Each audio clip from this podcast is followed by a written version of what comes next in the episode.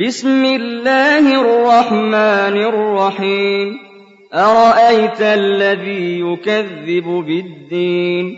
فذلك الذي يدع اليتيم ولا يحض على طعام المسكين فويل للمصلين فويل للمصلين الذين هم عن صلاتهم ساهون الذين هم يراءون ويمنعون الماعون